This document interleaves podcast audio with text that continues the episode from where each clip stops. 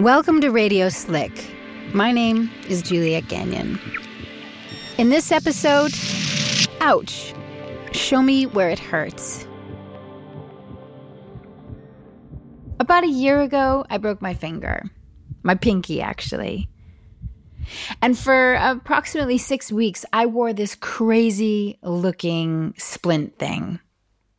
Because it had been shortened by about a centimeter, they had to pull on it the whole time, and it hurt like hell. But the thing was, everyone wanted to talk to me about it. It might have had something to do with the brightly colored tape all over it.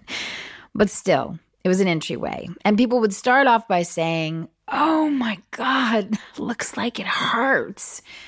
And then I could say, It does. And that would start a conversation. And people would share with me their pains. Either it was broken bones or broken hearts, it ran the gamut.